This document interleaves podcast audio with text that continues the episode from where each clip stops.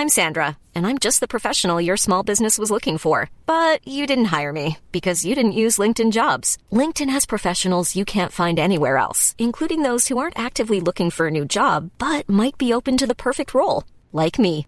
In a given month, over 70% of LinkedIn users don't visit other leading job sites. So if you're not looking on LinkedIn, you'll miss out on great candidates like Sandra. Start hiring professionals like a professional. Post your free job on linkedin.com/people today. Ever catch yourself eating the same flavorless dinner three days in a row?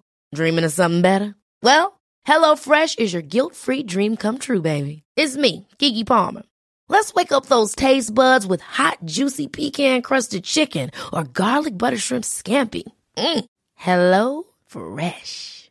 Stop dreaming of all the delicious possibilities and dig in at HelloFresh.com. Let's get this dinner party started.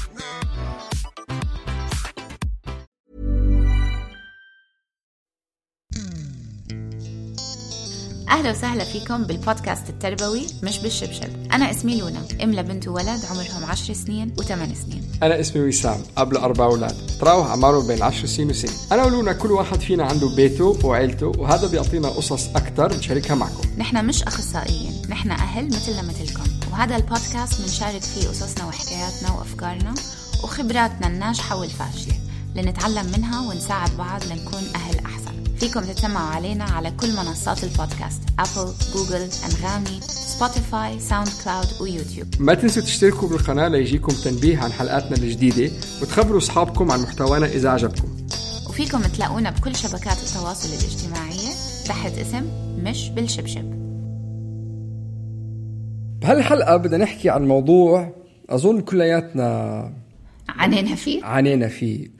بس أحد أكبر المشاكل اللي بتصادف أي حدا لما يصير أهل هي التصادمات اللي بتصير بينه وبين أهله أو بينه وبين دار حما دار حما خصوصا لما تيجي على بناء عادات جديدة وسلوكيات جديدة ونمط جديد بالتربية أو حتى بالمعاملة أو حتى بحط بحط الروتين.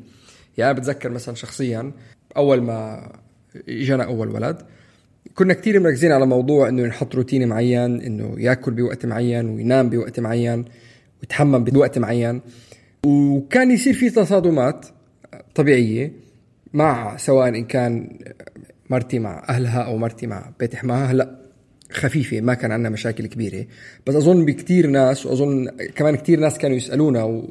ويعطوا تعليق على هذا الموضوع إنه كيف نتعامل مع هذا القصة؟ كيف نتعامل مع هاي القصة؟ بدون ما نجرح شعور الناس اللي قدامنا أو نخفف من آه، أهميتهم. صح. هلا أنا طلعت لقيت أونلاين كتير شغلات. هلا شوف الحمد لله أنا وصلت لمرحلة إنه okay أهلي عايشين ببيت تاني و... و... اولادي شوي كبروا فالموضوع بطل كتير. بس في ناس لا في ناس عايشين ببيت أهلهم أو بيت حماهم. آه، في ناس تيجي آه، إنه أهلهم أو حماهم بيجوا زيارات كتير لعندهم وبيقعدوا أشهر. بعرف آه، وحدة صديقة عندي كانت عم بتقول لي إنه بالثلاث أشهر اللي إجت حماتها زارتها برنامج الأولاد كله تغير. أكلهم ونومهم وشربهم وفئتهم كله. بيكونوا أولاد صغار بتحطهم قيلولة على الساعة 10 مع إنه هن قيلولتهم على الساعة 12 فبما إنه أخذوا قيلولة على الساعة 10 صار بدهم يرجعوا صاروا ياخذوا قيلولة مرة. ثانية على الساعة 3 فأخذوا قيلولة على الساعة 3 فنومتهم اللي هن بيناموا الساعة 8 صارت الساعة 10 بالليل. بالليل. وبتكون هي الأم منظمتهم بهي الطريقة. على أساس إنه من الساعة 8 للساعة 10 بالليل أنا أقعد أروق. هلأ بدي أقعد مع أولاد قاعدين يعني وقت الأكل مثلا لأنه وقت الأكل مربوط بوقت النوم. فإذا أنت خبصت وقت الأكل خبصت وقت النوم. وكانت دائما أظن أي تيتا اجمالا بتحس إنه هي بدها تدلع. بدها تدلع وتعمل. وبدها تعبر عن حبها. وبدها تورجي إنه أنا بفهم إيه. كمان ما أنا ربيتك. إيه. شو شايفتيني بأسلوبين معينين اللي هو واحد منهم الأكل واحد منهم النوم وواحد منهم اللبس. يعني هي كمان نقطة تانية. أنا بالنسبة لي أولادي ما كنت ألبسهم. كنت فعلا أتركهم مزلطين. لهلأ أنا أولادي ما ما بلبسهم فانيلا ما خلص خلي الولد جسمه يتأقلم على البرد. ضله مرشح كل ما هف بالهواء بتلاقيه بلش يعطس. ما انت مش عم تلبسهم فانيلا. إيه قصدا ما عم بلبسهم فانيلا. خليه يرشح. بعدين بيطيب. هو أساس اجمالا عم نقوي مناعتي مناعة الإنسان ذكية. بعد فترة من الفترات بتصير تتأقلم على هذا الشيء فببطل البرد يأثر بالمرض. صح. فكان سؤالنا نحن اللي اجينا سألنا. هو سؤال أخت سألتنا إياه على الإنستغرام. كان سؤالها هلا هي وضعها شوي مختلف بس حسينا إنه في شغلات يمكن نحن نقدر نت- نستفيد منها وكمان نفيد منها. هي وضعها إنه هي بعيد من هون ترملت من جديد وهي وبنتها عمرها أربع سنين صاروا هلأ عايشين ببيت أهلها وبنتها كتير متعلقة بجدة اللي هي أبوها للست. وصلت مع الدرجة إنه بنتها ما عم بت ما عم بترد على أمها. يعني هلأ صار ال- الشخص اللي بالبيت بيروحوا له دائما وبتسمع له دائما هو جدة وبتنام لما تنام بتنام جنب جدة. وهذا أثر على الأم إنه لما تيجي تقول لها إنه مثلا آه، قومي غسلي قومي تحممي قومي فرشي اسنانك ما ترد عليها. فكانت عم تسألنا إنه شو بنقدر نعمل بهالحالة. فنحن أعطيناها جواب وأظن بهالحالة يمكن كثير بنقدر في إشياء كتير بدنا نعلم حالنا فيها من أول وجديد. هلأ أساس أصلا معظم المشاكل بالحياة هي عدم التواصل أو الكلام اللي مش عم بيوصل من طرف لطرف تاني أو حدا فهم حدا غلط. معظم المشاكل بتنبع من سوء تفاهم أو من طريقة الواحد ما بيعرف يحكي مع حدا تاني. في ناس بالحياة مثلا عندها ذكاء اجتماعي بتقدر تفهم الإنسان اللي قدامه وبتقدر بطريقة كتير دبلوماسية توصل الحكي للإنسان اللي قدامه بدون ما تجرح مشاعره أو بدون ما إنه دج هاي طريقتي وبدك تعمل زي ما أنا بدي وكذا. فيها الناس تستخرج المغزى اللي بدها إياه من الشخص اللي قدامها بطريقة دبلوماسية. لطيفة ودبلوماسية. وفي ناس ما بيعرفوا غير إنه هذا اللي أنت عم تعمله غلط ومش هاي الطريقة الصح وأنا طريقي صح وأنت طريقك غلط. ففينا نتعلم كثير من الطريقة اللي فينا نحكي فيها مع الناس.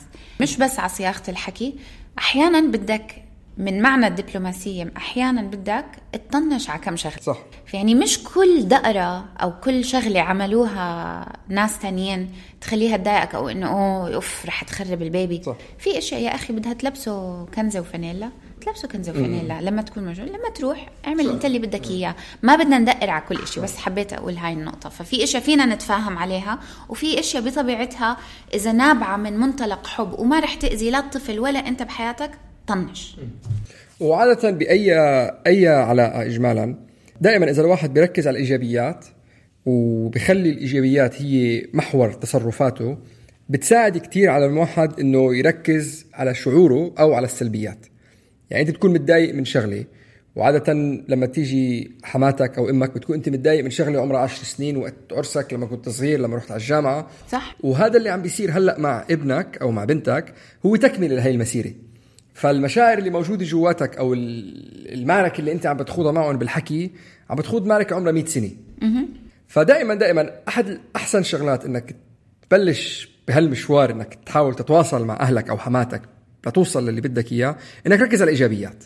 خلينا نركز في شغلات منيحة. ونحط هدول الشغلات المنيحة بقلب المحور ونبني عليهم ونستعملهم بعدين إنه بس ن- ن- نوصل للي بدنا إياه يكون عندنا درجة نقدر نوقف عليها. إنه okay نحن هون متفقين أنت متفقة وأنا متفق على هاي okay خلينا نغير نعدل العلاقة شوي.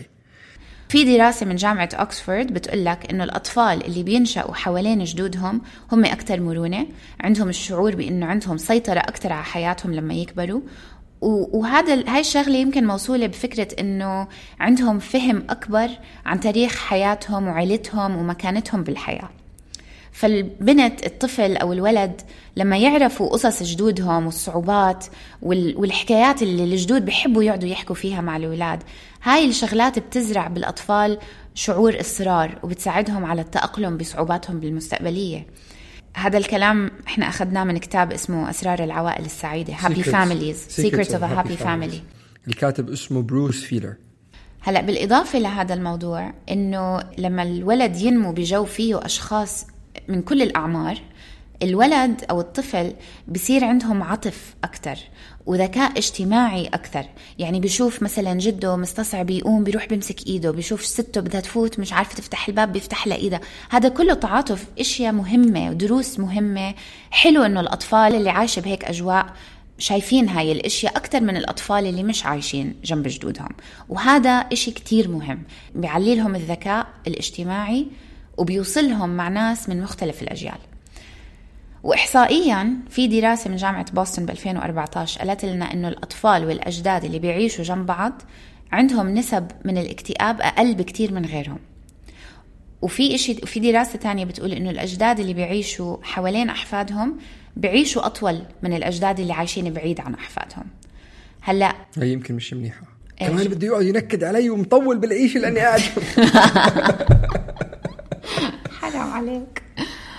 فقبل ما نفوت بشغلنا للست كيف تتواجه مع الموضوع حبينا نركز إنه دائما لكل مشكلة في جهة جانبية منيحة وفي إشي منيح بيطلع أو بينبع من هاي الأشياء وما لازم ننساها. وشغلة تانية وهي شغلة مهمة جدا ومره تانية شغلة بتقرب وجهات النظر إذا بنحطها نحن بعين الاعتبار بالمعاملة بتساعدنا إنه نقدر نتفاهم مع الجيل اللي أكبر منا. طريقة المعاملة تبع الجيل اللي اكبر منا مع أحفادهم رح تتضارب معنا هذا أمر طبيعي. وبس لازم دائما نتذكر إنه النوايا حسنة ويمكن تكون في إزعاجات بس نية التيتا أو الجدو مش إنه يزعجك ومش إنه يزعج الطفل أو يأذي الطفل. النية هي اساسها حب. وهذا اجمالا بما إنه هلأ أنا صرت تيتا أو جدو في حس بيكون موجود عنده إنه أنا أفهم منك. إنه أنا تيتا وجدو وأنا عشت أكثر منك وأنا ربيت ثمانية أولاد انت عندك ولد جاي تتفلسفي علي مثلا. فهو already عنده الشعور هذا كبرياء وفايت بالدق يعني بس هو اللي جاي اللي جاي منه اللي طالع منه اللي ناتج منه حب. من منبع حب. وحنان. على القليلة للولد أحيانا إيه. يمكن ما يكون للشخص الأهل ما أظن كمان 100% إنه للولد. ما أظن كمان لل- إنه تكون وحدة ست عم بتنيم البيبي عشان تقهر كنتها. صح. يعني ما ما أظن هذا هدفها. إذا هذا هدفها أنا نصيحتي إنه إذا فعلا هذا هدفها إنه خلاص روحوا انقلوا يعني أو تقولي لها ما عادش تيجي لعنا لأنه بالآخر مش مش صحي إنه الواحد يكون عايش بجو سلبي يعني. صح. فدائما لما بدنا نتواصل مع الجيل الكبير دائما ال- الأساس إنه اللي بدنا نوصل الهدف تبعه لما قبل ما أنت تيجي تقعد تحكي أو تخوض بقلب حوار أو شيء الهدف منه ثلاث أهداف. أنا هيك هيك شرحتهم يعني أنا هيك فهمتهم. أول شيء إنه نكون نحن وتيتا وجدو على نفس الصفحة لما نتعامل مع الطفل من غير ما يكون في أي تضارب لأنه هذا التضارب مش أمر صحي. وهذا الإشي بنطبقه على أزواجنا كمان. دائما بنقول بين الأزواج يعني إذا الأم قالت لا مش يجي الأب جاي من الشغل ومشتاق لأولاده يقول آه. عارف؟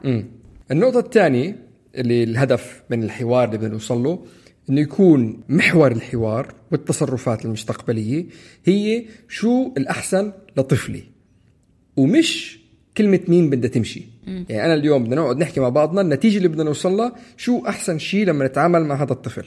أنا ما عم بحاربك إنه كلمتي أنا اللي بدها تمشي. إذا أنت شفت إنه انحطت بخانتين خانة منهم كلمة مين بدها تمشي وخانة وخانة الثانية أحسن للطفل خلاص خذ اللي أحسن للطفل. صح. حتى لو كلمتك ما مشيت.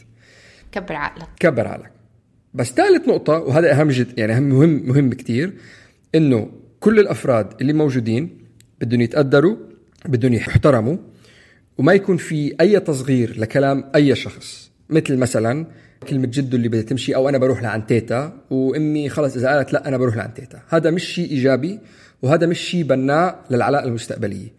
فقبل ما نقعد نحكي آه، هدول النقاط اللي أنا حسيتهم لازم ينحطوا بطريقة واضحة. وهدول هن النتائج تبع أي حوار بده يكون مع هذا الشخص اللي قدامك. وأظن الحوار ما رح يكون مرة واحدة رح يكون على مراحل. لأنه بفترة من الفترات يمكن يصير في بناء علاقه جديده فبس دائما النتيجة اللي اللي ببالنا نحن اليوم أنا بدي أحكي مع أمي أو بدي أحكي مع حماتي أو أو ما شابه هدول النتائج اللي بدي أوصل لهم. نكون على نفس الصفحة اللي أحسن للطفل هي هو اللي بده يمشي النتيجة النهائية وكل حدا بقلب العلاقة بده يحترم. وهذا الشيء ضروري لرسم حدود للطفل وإنه الطفل بالآخر يقدر ويحترم كل الأطراف اللي بالبيت.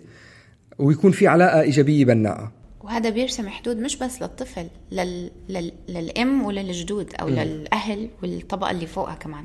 وجود الحدود إشي كتير مهم للصحة النفسية. وهذا إشي أنا بلاحظه ب... بمعظم العائلات العربية المقربة من بعض اللي إحنا كلنا عايشين مع بعض. دائما بدنا نعرف إيش مال الكل و- و- وبنتحدث بالكل وبنتدخل بالكل. فهذا موضوع الحدود الباوندريز إشي ما تعرفنا عليه بصغرنا. صح. ال- ال- الجيل اللي أكبر منا ابدا بحس مش موجود. صح. لأنه اجى بوهم الاحترام وبوهم إنه ال- العائلة ال- المقربة ما إلها حدود. صح. بس هذا إشي بيولد مشاكل كتير كبيرة على كبر وفي شغلة تانية كمان. وهي بسمعها. إنه كثير مرات بتكون التيتا اليوم بشكل غير مباشر عم تنتقم من حماتها أو من إمها. إنه هو هيك انعمل معها لما كانت صغيرة. وهلأ صار دورها إنه هي هيك تعمل. وهذا سبكونشس يعني على مستوى باطني مش إنه هي حاطة براسها لأ أنا هيك انعمل معي فأنا هيك إيه بس بس هو موجود يعني إنه حتى مرات بتسمع طلطيش يعني إنه شوفوا إيه شوفوا شو صار معنا نحن. ودائما إحنا بنقول إحنا بنربي بالطريقة اللي تربينا فيها. صح. كتير صعب إلا لو أنت عن جد عن وعي وعن عمد اللي هو سبب البودكاست تبعنا إنه نربي عن وعي. إذا ما صار في هاي التوعية وإنه إحنا نتعرف على هاي المشاكل رح نكفي هذا الأسلوب وبنكمل لقدام بالطريقة الغلط. طيب هلا عشان نوصل لهي النتيجة اللي حكينا عنها برأينا الطريقة الوحيدة هي إنه يكون في حوار إيجابي فعال. ما أظن يعني هلأ في في ناس بيقول لك أوكي فينا فينا نترك أو ما نستقبل الشخص عنا. هي نتيجة أظن يعني إذا إذا ما وصلت لنتيجة ووصلت الأمر إنه هاي هاي أوحش ال اسوء يعني الحالات. اسوء الحالات. اسوء الحالات اطلع لا خلص اطلع لا. قول له قول له قول له لجوزك تخيل انت طلقني. تصرف. لا انت تصرف مع إمك يا عمي وطلعني من هالقصة أصلا. أنا برأيي ال- ال- البنت ما ما عليها إنه هي تساير حماتها يعني صراحة. أنا اي ثينك هو الولد اللي عليه هو يبر والديه. مش دائما ما في عليها البر- القصة مش دائما بهاي. السهولة طبعا. ما أظن فرض على البنت تبر حماتها. لا إحنا. عندنا بمجتمعاتنا إيه، بس هذا دينيا الاساس هو بالآخر إحنا نمشي بالدين. دين بر الوالدين. بر الوالدين. المهم فانا برأيي ما في ما في أي طريقه ما في أي طريقة ثانية الطريقة الوحيدة هو التواصل الهادئ الإيجابي. وبعض الأفكار أظن الواحد بتساعده قبل ما يخوض بقلب الحوارات. هذول النقاط يحطهم بباله بيقدر يستعمل مش لازم يستعملهم كلياتهم في شغلات بتطبق عليه في شغلات ما بتطبق عليه. فأول نقطة إنها تحدد شو بدها تحكي قبل ما تفوت بالحوار. تكتبهم تعمل لائحة تفكر تفكر هي عن جد هي وبين نفسها شو هو اللي مضايقني وشو بدي أحكي عن جد شو بدي أحكي. عشان ساعتها بتقدر تفرق بين المشاعر وبين الأشياء ال- الأشياء المهمة اللي لازم ينحكى فيها. لأنه إذا الواحد ما بيكون مستعد شو بيصير؟ المشاعر بتطغى ولما المشاعر تعلى بالجسم حكينا كتير على الأميجدلا وال بنصير اندفاعيين وبنصير ما عم نحكي من محل المنطق بنحكي من محل المشاعر. الشغلة الثانية كتير مهم إنه نختار وقت وزمان ومكان نكون إحنا والطرف الثاني بموضع إيجابي أو بحالة هادئة أو ب- بحالة إيجابية. يعني مش نستلم البني آدم وإحنا شايفينه لسه معصب أو مسكر التليفون زعلان أو أو مثلا إذا حماتك عم بتطعمي الولد هلأ مش وقت آه. أو لبسته أو شيء. خلص أوكي شفت الموقف؟ ما ما بعدين. خلص خليها ببالك. نحن مثل ما قلنا نحن بدنا نحكي عن انطباع عام. بنفتح حوار بناء. إذا هلأ فتنا بقلب الحوار لا أنت ولا هو ولا ال- ولا حدا رح يس- حيكونوا هم defensive رح يصير هن دفاعيين. دفاعيين آه. فدائما مثل قالت لونا اختار الوقت والزمان المناسب. إنه أنت بحالة إيجابية وهادئ والطرف الثاني كمان بحالة إيجابية وهادئ وهذا اللي بدخلنا بثالث نقطة اللي هو بعمركم ما تحكوا مع حدا تاني عن تربية الطفل بوجود الطفل موجود. يعني احكوا هو ونايم هو بالمدرسة بس أبدا مش قدام الولد لأنه الأولاد كتير أذكياء ورح يلقطوا كل هاي الأشياء ال- اللغات الجسدية. حتى لو كانوا كتير صغار بيشوفوا آه ماما وتيتا متضايقين من بعض أو في مشكلة هيك ما. وحتى شغلة ثانية إذا الولد واعي شوي يمكن يشرحها إنه أنا اللي عم يتخانقوا عشاني. اولا أو ثانيا إذا كمان أذكى من هيك بصير يلعب على المشاعر. إنه أنا بعرف مع مين أحكي مع مين أحكي لما بدي آخذ اللي بدي إياه. رابع نقطة دائما لازم نبلش الكلام بالتركيز على إيجابيات الشخص اللي قدامنا والأشياء اللي كتير بنحبها ونعبر عن تقديرنا وامتناننا لإلهم عشان الإنسان اللي قدامنا يتقبل الكلام اللي جاي بعده.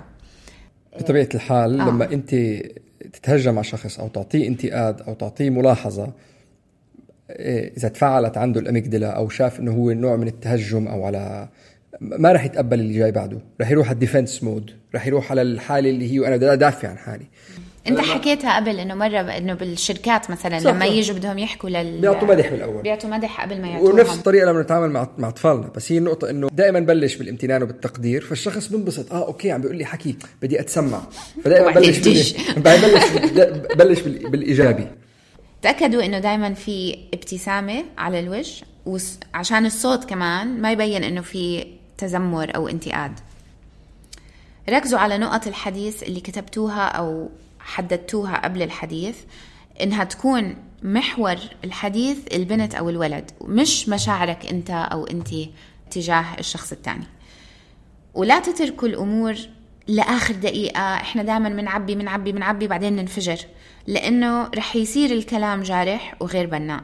وإذا وصلت لمرحلة إنه كنتوا بهاي الموقف وإنه وصلت لدرجة الانفجار خذوا عشر خطوات لورا ابدأوا من الأول اكتبوا استنوا. لوقت منيح وارجعوا احكوا. ابدأوا ب آه، يمكن تأسف أنا آسف إنه انفجرت فيك بس يمكن لازم نحكي. خلينا نحكي عن كم شغلة. هلا هدول النقاط بس الواحد يخليهم بباله لأنه كثير مرات أنا بعرف يعني من تجربة شخصية كلياتنا بنقدر نتفهم هذا الوضع لما تكون أنت بموقف مزعوج فيه وبتطول بالك وبتطول بالك وبتطول بالك أنا برجع بقول ليش تطول بالك؟ خلص أنت انزعجت خذ الموقف هلأ هو فريش وهو بعده صغير وهي بعد الشجرة صغيرة صار شيء من حدا أزعجك تعال نحكي هلأ بموضوع قبل ما يتفجر قبل ما تتكاثر عليك المشاعر لأنه إذا أنت استنيت للحظة تكاثرت عليها عليك المشاعر النقاط اللي حكتهم لونا هلا السبع نقاط اللي حكتهم لونا رح يكون صعب إنك تسيطر على حالك فيه. صح. فاليوم إذا أنت بتضايق من شغلة استنى اللحظة الإيجابية الصحيحة برا لما يكون الطفل مش موجود وتكون أنت اوريدي محدد نقاط الكلام والنقاط اللي حكتهم لونا ويفتح الموضوع بكل بساطة. ودائما بلش بطريقة إيجابية يعني مثلا شوية أمثال طريقة فيك تبلش الحكي. إنه أنا كثير بحب الطريقة اللي أنت بتتعامل مع ابني أه بقدره. بس في شوية شغلات حابب أحكي فيها بنية إنه نحسن على اللي موجود. فأنت لما تبلش بهي النقطة الشخص اللي قدامك عرف إنك أنت ما عم تتهجم عليه وأنت بدك تحسن فأنت مبسوط باللي موجود وأنت بدك تزبطه شوي. أو مثلا فيك تقول الهدف من هذا الحوار هو نتاكد إنه كلنا على نفس الصفحة وبنفس الهدف. ما تفكر إنه أنا مثلا عم بكسر المقاديف أو عم برسم حدود أو في قلة تقدير. هي بس نحن بدنا نرسم هيكلية إيجابية مترابطة. والهدف إنه نعمل شو أكثر شيء مناسب للطفل من ناحية عاطفية وجسدية وذهنية. وبهاي النقطة إذا قالوا لك شو هالأهداف يعني كلنا ربينا لأنه في أهل حيرج... حيرجعوا لك بهيك كلام. حيقولوا لك كلنا ربينا لا أهداف ولا بلوط. أوكي. الولد بده يربى بسهولة صح؟ إذا هذا كان الجواب اللي واجهك ما تضايقوا واعرفوا إنه في فرق بال يعني كيف هم ربيوا كيف تعلموا شو الأشياء اللي هم واجهوها بحياتهم. وما تاخذوا الموضوع شخصي إنه إنه هو هذا تهجم عليكم أو إنه شايفين لحالكم أنتم جيل هاليوم اللي كل إشي على الإنترنت وبتقلدوا ومش عارفة مين والأجانب وكذا. هذا إشي كله أنا سمعته على فكرة. صح.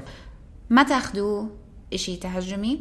قولوا لهم معلي الدنيا عم تتغير. صح. لو إحنا بدنا نربي بطريقة زمان أولادنا ما رح يعرفوا يعيشوا بحياة اليوم. م. فطريقة الترباية عم تتغير. عشان هيك خلينا نوصل لمنطقة بالنص. يا هي كمان أقول لك مثلا بالنسبة لي شغلة الأكبر شغلات كانت إنه كان لما دائما لما نضطر نتكل على حماتي أو على على أمي لشغلة كانوا كانوا كانوا ينيموا ال baby. هلأ أنا كنت أفهم مثلا واحدة من الشغلات okay عاطفيا إنك أنت بدها تحس التيتا إنه هي عم تنيم بس شغلة ثانية إنه هي التيتا تعبانة. ما بدها تقعد تتعامل مع طفل؟ خلص حطه ينام ساعتين أنا بكون ريحت راسي. صح. فنحن كنا نتضايق إنه مثلا نروح نجيب البنت تكون نايمة والساعة 6 المساء هلا بدها تقعد تسهر لنا؟ طب ما كمان بنفس الوقت طب أنا تيتا أنتم جبتوا لي إياها أنا بدي أريح راسي كمان يعني. صح. ف دائما هو مثل ما قلنا يعني الهدف إنه كلياتنا نكون على نفس الصفحة على نفس الهدف ما في تكسير مقاديف. بس بنرسم هيكلية بشو أحسن شيء للطفل. شغلة ثانية مثلا إنه أنت جده للبنت أنا كثير بحب العلاقة اللي بينكم آه، بس أنا إما أو أنا أبوها بنتي بذكاء أو وعيها تعرف بانه كلامي رح ياخذ درجة ثانية وهذا شيء مش صحي. بدي إياك تساعدني بالموضوع. يعني أنت عم تعزم الطرف الثاني إنه يجي يحل لك مشكلتك وهو بطبيعة الحال التيتا وجده هذا الشيء كثير بحب يعملوه. كثير مهم بالنسبة لي إنه يكون عندك علاقة إيجابية فعالة مع بنتي في المستقبل وبسن المراهقة. بس بحب إنها تشوف أمها مستقلة بتعتمد على حالها عشان تقدر تثق فيي وتسمع لي خاصة لما تكبر. تقدر تيجي تحكي معي؟ إيه إذا أنت ضليتك تكسر كلامي قدام طفل قدام بنتي هذا الأمر مش فعال ومش صحي للعلاقة اللي بيننا بالمستقبل. فهدول أمثال معينة مثلا كيف تقدر تفتح الحوار بطريقة إنه الشخص اللي قدامك يكون مستعد إنه يسمع لك.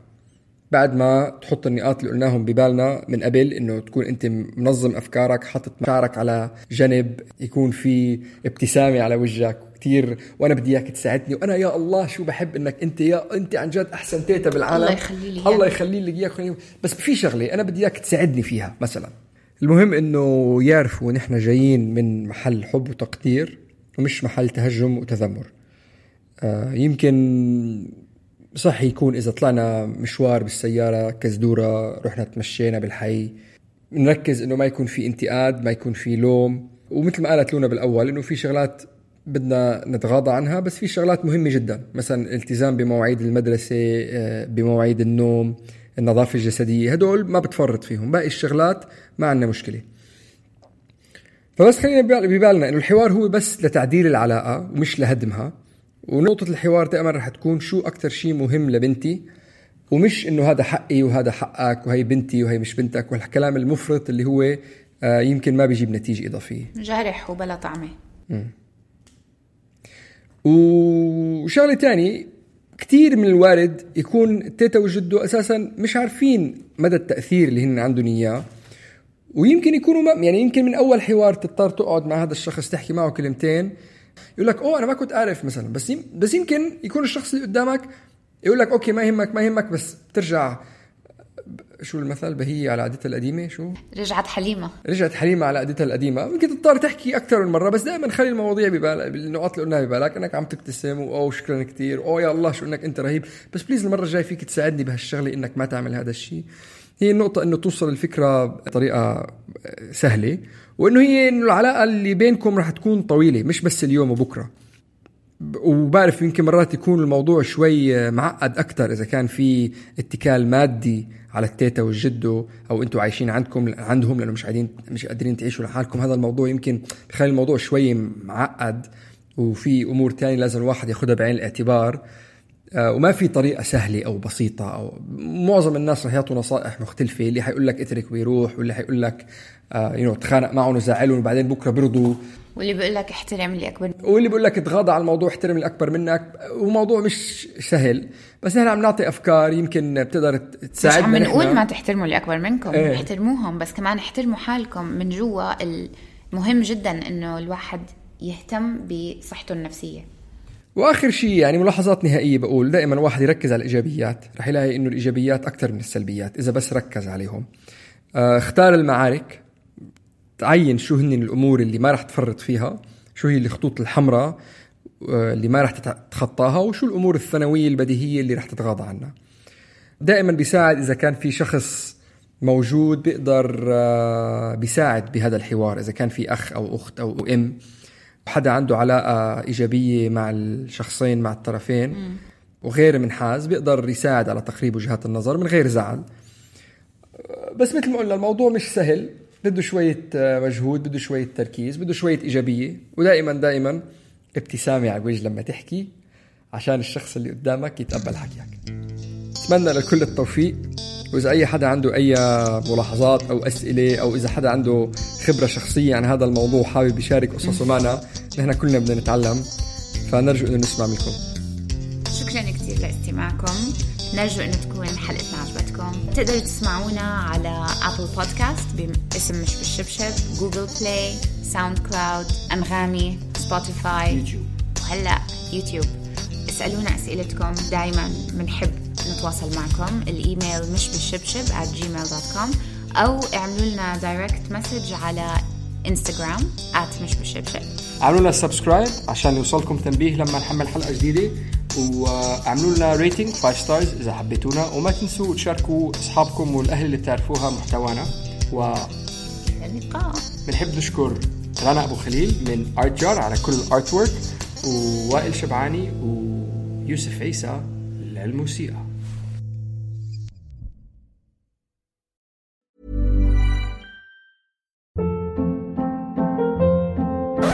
Hold up. What was that? Boring. No flavor. That was as bad as those leftovers you ate all week. Kiki Palmer here, and it's time to say hello to something fresh and guilt-free. Hello Fresh. Jazz up dinner with pecan-crusted chicken or garlic butter shrimp scampi. Now that's music to my mouth. Hello Fresh. Let's get this dinner party started. Discover all the delicious possibilities at hellofresh.com.